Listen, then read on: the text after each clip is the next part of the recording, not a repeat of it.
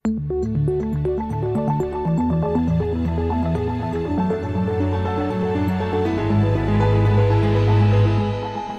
This Morning.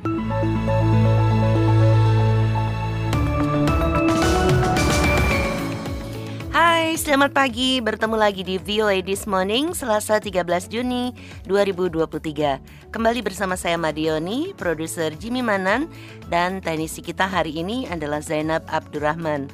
Dan di studio kita juga ditemani oleh Bani. Pagi ini ada laporan tentang perdebatan politik pemanas menjelang kedatangan Trump ke pengadilan.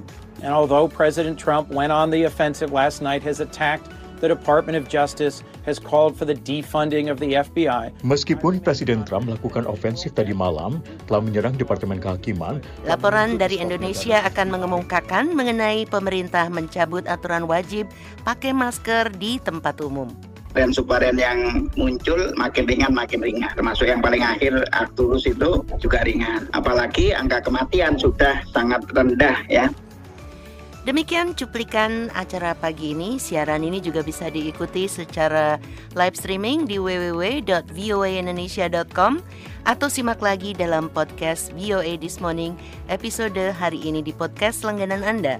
Sekarang saatnya berita dunia bersama Rifan Dwi Astono. Inilah berita dunia VOA Washington. Donald Trump terbang menuju Miami hari Senin untuk menghadapi dakwaan menimbun dokumen rahasia negara dalam kasus hukum yang jauh melampaui tuduhan pelanggaran hukum lain yang pernah ia hadapi dan berhasil ia atasi sebelumnya. Trump akan hadir di pengadilan hari Selasa untuk menjawab dakwaan bahwa ia berbohong dan berencana menyimpan lusinan dokumen rahasia yang ia bawa ke kediamannya di Florida setelah meninggalkan Gedung Putih pada 2021. Mantan Presiden Amerika Serikat dari Partai Republik yang sudah dua kali dimakzulkan dan maju kembali sebagai kandidat capres itu masih menunjukkan nada pertentangan dalam perjalanan menuju Miami. Trump akan menjadi presiden Amerika pertama yang diadili di pengadilan federal bersiap menuju Doral di Miami, unggah, Trump di platform Truth Social miliknya dalam penerbangan menuju rumah sekaligus resor golf mewahnya di Florida untuk menginap semalam sebelum menuju pengadilan yang berjarak sekitar 25 menit berkendara. Kita semua harus kuat dan mengalahkan komunis, marxis, dan orang gila kiri radikal yang secara sistematis menghancurkan negara kita. Tulis sang mantan presiden yang dijadwalkan bertemu dengan tim pengacaranya di Florida. Buat Amerika berjaya lagi, ungkapnya. Trump, kandidat terdepan dalam pemilihan pendahuluan Partai Republik 2024 mengatakan dakwaan terbaru yang dihadapinya tidak akan membuatnya mundur dari persaingan Pilpres. Menteri Luar Negeri Amerika Serikat Anthony Blinken pada hari Senin mengatakan Tiongkok melakukan peningkatan fasilitas pengumpulan intelijennya di Kuba pada 2019. We were briefed on a number of sensitive efforts by Beijing around the world to expand their overseas logistics, uh, basing. Blinken mengatakan kepada wartawan bahwa ketika pemerintahan Biden mulai menjabat pada Januari 2021, mereka diberitahu tentang sejumlah upaya sensitif Beijing di seluruh dunia untuk memperluas operasi pengumpulan intelijen Tiongkok di luar negeri. Ia mengatakan pemerintahan mantan Presiden Donald Trump mengetahui masalah tersebut dan pemerintahan Biden menyimpulkan bahwa Washington tidak melakukan upaya yang cukup untuk mengatasi masalah itu. Sejak saat itu, Blinken mengatakan Amerika Serikat telah menerapkan sebuah strategi baru yang telah membuahkan hasil. Penasihat Keamanan Nasional Irak dan utusan khusus PBB untuk negara itu sama-sama mengulangi seruan mereka untuk mempercepat pembubaran Camp Al-Hol di Suriah yang menampung ribuan keluarga militan ISIS pada hari Senin. Mereka juga kembali menyerukan pengelolaan proses pemulangan penghuni camp tersebut sesegera mungkin. فهي من هون هو منبع بشري لدعم الإرهاب وبالتالي المجتمع الدولي مطالب بالعمل سوية Penasihat Keamanan Nasional Irak Qasim Al-Araji mengatakan camp itu berfungsi sebagai sumber intelijen yang menyulut terorisme dan oleh karena itu komunitas internasional wajib bekerja sama untuk membubarkan camp ini.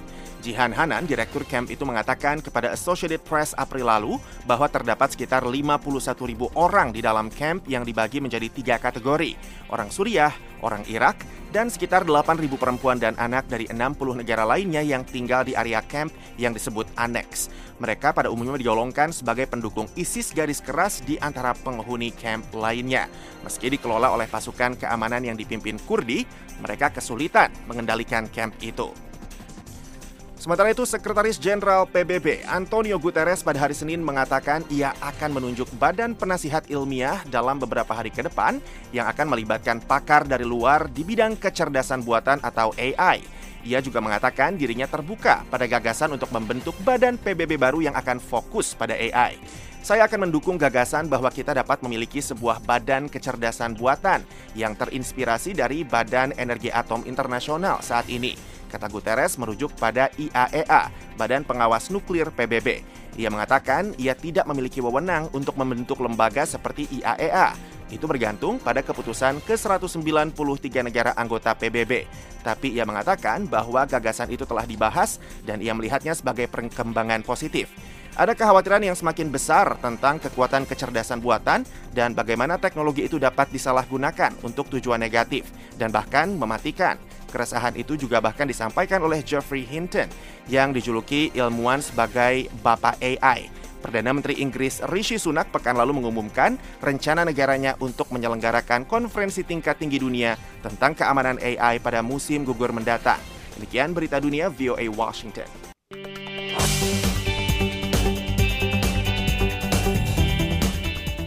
VOA This Morning, Mantan Presiden Amerika Donald Trump diperkirakan akan didakwa secara resmi Selasa atas dugaan menyimpan dokumen rahasia. Wartawati VOA Veronica Balderas Iglesias melaporkan bagaimana intensitas debat opini seputar kasus ini semakin meningkat dan cenderung berpihak pada partai masing-masing. Selengkapnya disampaikan Karlina Amkas. Menjelang penampilan Donald Trump dalam ruang sidang Florida pada Selasa, Diskusi publik tentang dakwaan terbarunya berkembang.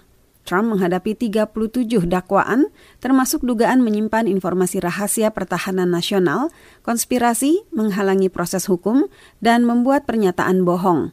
Menurut pendapat Senator Lindsey Graham dari fraksi Republik yang diwawancara untuk acara ABC This Week, Tuduhan tersebut merupakan upaya mendelegitimasi mantan presiden. You're accusing the guy of being a spy through espionage. It's not going to change my support for Donald Trump. Kalian menuduhnya sebagai mata-mata, tetapi itu tidak akan mengubah dukungan saya untuk Donald Trump. Sebagian besar orang Republik percaya bahwa undang-undang kini adalah alat politik. Tidak ada bukti bahwa penyelidikan dokumen rahasia yang dipimpin Jaksa Khusus Jack Smith telah dijadikan senjata ujar senator dari fraksi Demokrat Chris Coons kepada televisi ABC. And although President Trump went on the offensive last night, has attacked the Department of Justice, has called for the defunding of the FBI. Meskipun Presiden Trump melakukan ofensif tadi malam, telah menyerang Departemen Kehakiman, telah menuntut di stopnya dana FBI, saya tetap percaya bahwa ia akan mendapatkan proses hukum yang menjadi haknya. Trump mengumumkan dakwaan tersebut di situs Truth Social miliknya.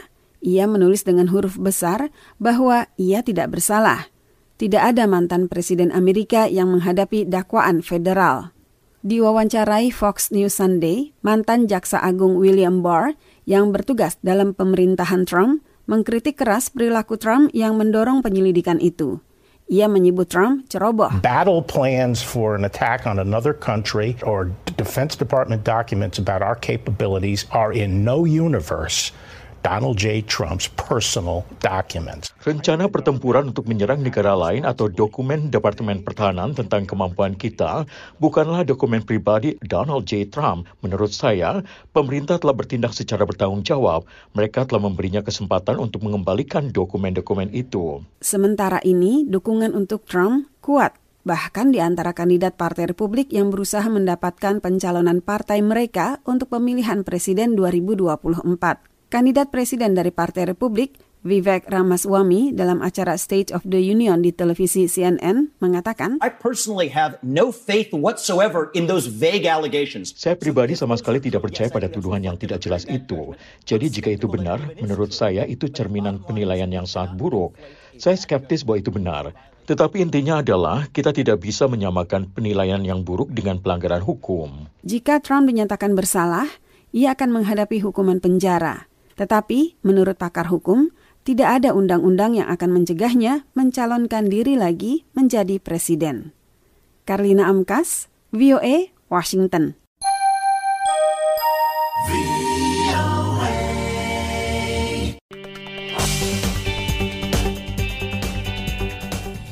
Langit berwarna oranye di atas kota New York dan Washington DC pekan ini tampak seperti kiamat sudah dekat.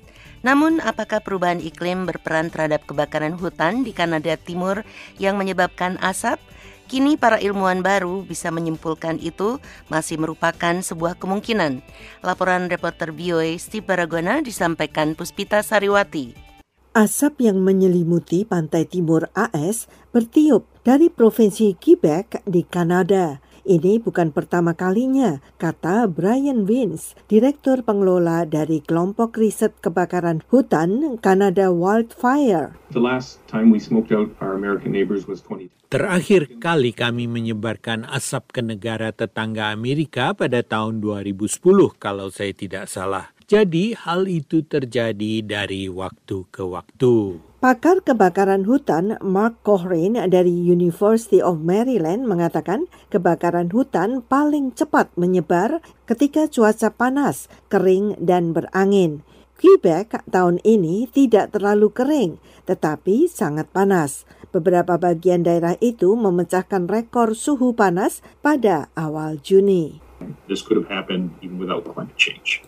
On the other hand, ini bisa saja terjadi bahkan tanpa perubahan iklim. Di sisi lainnya, karena perubahan iklim, semakin sering terjadi kondisi seperti ini. Kemudian badai membawa petir tetapi sedikit hujan sehingga memicu kebakaran hutan dan angin kencang mengipasi api sehingga membesar. Kondisi ini menjadi lebih umum ketika planet menghangat. Sehubungan asap yang menyebar di atas kota New York dan Washington, Wins mengatakan hal itu tidak hanya disebabkan hutan yang panas dan kering, ditambah petir juga memicu api, tetapi juga pola cuaca yang sangat stabil mengalirkan asap ke selatan seperti pipa asap. Jadi langit yang aneh itu mungkin tetap biasa, tetapi lebih banyak kebakaran mungkin terjadi. Tahun ini adalah tahun yang buruk di Kanada, tambah Winds. Lebih dari 400 titik api berkobar dari pantai ke pantai, menjadikan tahun kebakaran terburuk di negara itu. Itu mungkin gejala perubahan iklim, kata Corin. In places where there's a lot of fire, we have more fire, and that's bad. But kami memiliki lebih banyak api di tempat-tempat di mana biasanya memang banyak api. Tetapi di tempat-tempat di mana biasanya tidak ada api, kini kami menghadapi kondisi yang akan mampu memicu kebakaran. Kondisi yang belum pernah terjadi sebelumnya. Dan Cochrane mengatakan daerah-daerah itu tidak siap. Puspita Sariwati, VOA, Washington.